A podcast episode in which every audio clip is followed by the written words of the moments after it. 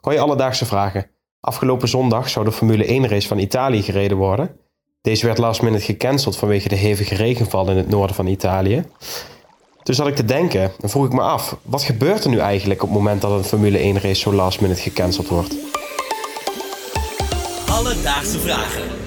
NPO Luister. Ernst-Jan uit Hasselt. Hasselt Overijssel, niet Hasselt België. Oké, duidelijk. Ja, laat dat, even, laat dat even helder zijn. Afgelopen weekend inderdaad een eh, Formule 1 race afgelast. Aankomend weekend staat de volgende race wel weer voor de deur, namelijk die van Monaco. En het is dus nog nooit in de historie van de Formule 1 gebeurd dat een race zo kort van tevoren door de organisatie is afgelast. Ja, dit had allemaal te maken met noodweer. Wat gebeurt er dan als een Formule 1 race niet doorgaat? Ja, ik was op zich best wel verbaasd dat het de allereerste keer was dat dit gebeurde. Ja, in Australië tijdens COVID is er ook wel een keer ja, iets precies. geweest. Ja. maar in COVID werd natuurlijk alles afgelast. Ja.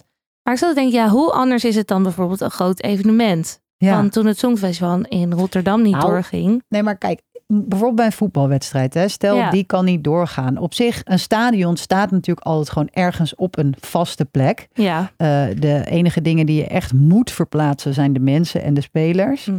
Maar bij Formule 1 heb je natuurlijk een soort reizend circus met allemaal dure auto's en banden en spullen. Dat is anders dan dat sporttasje met je voetbalschoenen erin. Ja, dat- daar heb je een goed punt. Ja. Ik was even vergeten dat dat er nog helemaal bij komt. Nou, je hoort aan ons dat we allebei niet helemaal thuis zijn in de eh, Formule 1. Maar wie dat wel is, is Allard Kalf. We horen hem iedere race vanuit de, de Race Control bij Viaplay. Je kan hem kennen als presentator van RTO GP.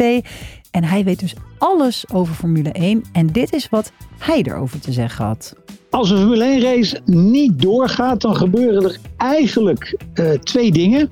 Allereerst eh, moet je zorgen dat alles wat met het niet doorgaan te maken heeft, in, in goede banen geleid wordt. Maar je moet ook meteen kijken naar de volgende Grand Prix. Dus je begint ook meteen op te ruimen en alles naar het volgende circuit door te verhuizen. Dus er zijn eigenlijk twee eh, parallele trajecten. Het eerste is zorgen dat iedereen die niet hoeft te komen, niet gaat. Iedereen die een kaartje gekocht heeft, eh, dat die eh, op de hoogte gesteld wordt wat er allemaal gebeurt. En dan heb je het traject van nou, eh, ja dat klinkt een beetje eh, raar misschien, maar dat je zegt we gaan op donderdag vast inladen om naar het volgende circuit te gaan. Dus we hebben vier dagen extra om te verhuizen van circuit naar circuit. Ja, dus je hebt organisatorisch natuurlijk een heel ander soort hoofdpijn dan wanneer je onderdeel bent van het raceteam. Ja, Als raceteam kan je dus, eh, mocht je echt ver doorfilosoferen, er zelfs voordeel uithalen. Want je hebt nog wat langer de tijd om over allerlei tactieken na te denken. En misschien heb je er wel baat bij dat je hem niet rijdt. wat rust. Eh, hoe zit dat vervolgens met die planning? Hè? Want de race, ja, die gaat niet door. Maar gaat die dan bijvoorbeeld op een ander moment wel weer door?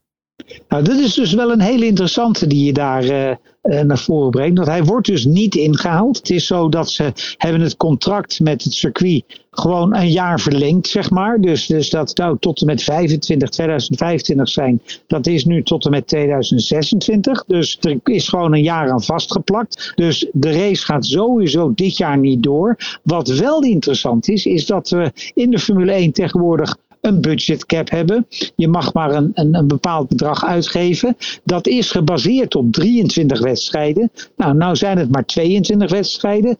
Maar omdat de race zeg maar binnen drie maanden van het houden van die race is afgelast, blijft de budgetcap gelijk. Dus teams hebben iets meer financiële ruimte om. eh, om, om niet boven de budgetcap uit te komen. Dus daar hebben de teams wel weer een beetje voordeel van. Eigenlijk is het alleen maar voordeel voor de teams als ik dit zo hoor. Jij denkt, laat die, als ik in een team zou zitten, wil ik dat het altijd noodweer Ja, is. Nou, meer dat- geld, ja. meer tijd om voor te bereiden. Dat lijkt me nou ook weer niet. Maar de budgetcap is dus het budgetplafond. Dat betekent ja, het budget dat teams per jaar mogen uitgeven. Nou, die race die wordt dus niet ingehaald. Laten we even heel erg ver doordenken, Rosa. Wat nou als gewoon door allerlei gekke omstandigheden alle races gewoon niet door zouden kunnen gaan? Hoeveel races heb je in die Formule 1 eigenlijk nodig om überhaupt tot een soort van stand te komen? Eén. Als je één race hebt, heb je een stand, hè? Kijk, het is niet, zo, het is niet zoals met, met bijvoorbeeld een voetbalcompetitie, dat iedereen twee keer tegen elkaar moet spelen. Je hebt gewoon een aantal wedstrijden. Dit jaar waren het er 23. Maar ja, toen ik eh, ooit 30 jaar geleden mijn eerste seizoen Formule 1 eh, commentaar deed, toen waren het 16 wedstrijden. Hadden we ook een wereldkampioen. Alledaagse vragen. Mijn hoofd blijft altijd een beetje eh, hangen bij het onderdeel geld. En vooral wat je er allemaal mee kan verliezen. Daar Ja. blijf ik toch altijd een beetje aan. Eh, we hadden het net natuurlijk over dat organisatorische gedeelte. Want de Formule 1 die gaat natuurlijk langs al die verschillende circuits. Mhm. Nou, dan gaat er iets niet door. Dan moet je, weet ik veel hoeveel mensen afbellen. Hm. Nou ja, rinkel de kinkel.